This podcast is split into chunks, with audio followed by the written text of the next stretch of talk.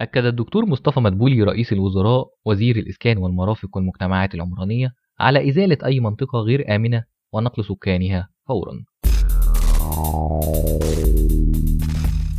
أكد مدير سد النهضة أن ملء الخزان سيتم وفقا للاتفاقية مع دولتي المصب مصر والسودان.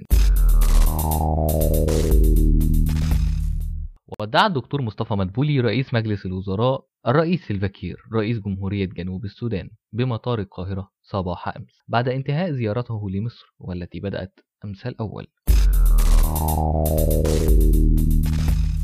قال وزير التعليم والتعليم الفني الدكتور طارق شوقي أنه تم التعاقد مع البريد لتوفير تأمين شامل على التابلت.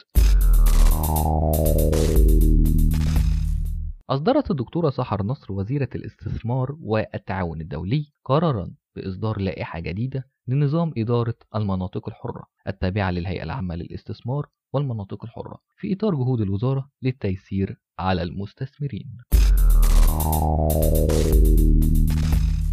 احتفالا برئاسة مصر للاتحاد الإفريقي تم إطلاق أول نادي للسينما الإفريقية بالأقصر.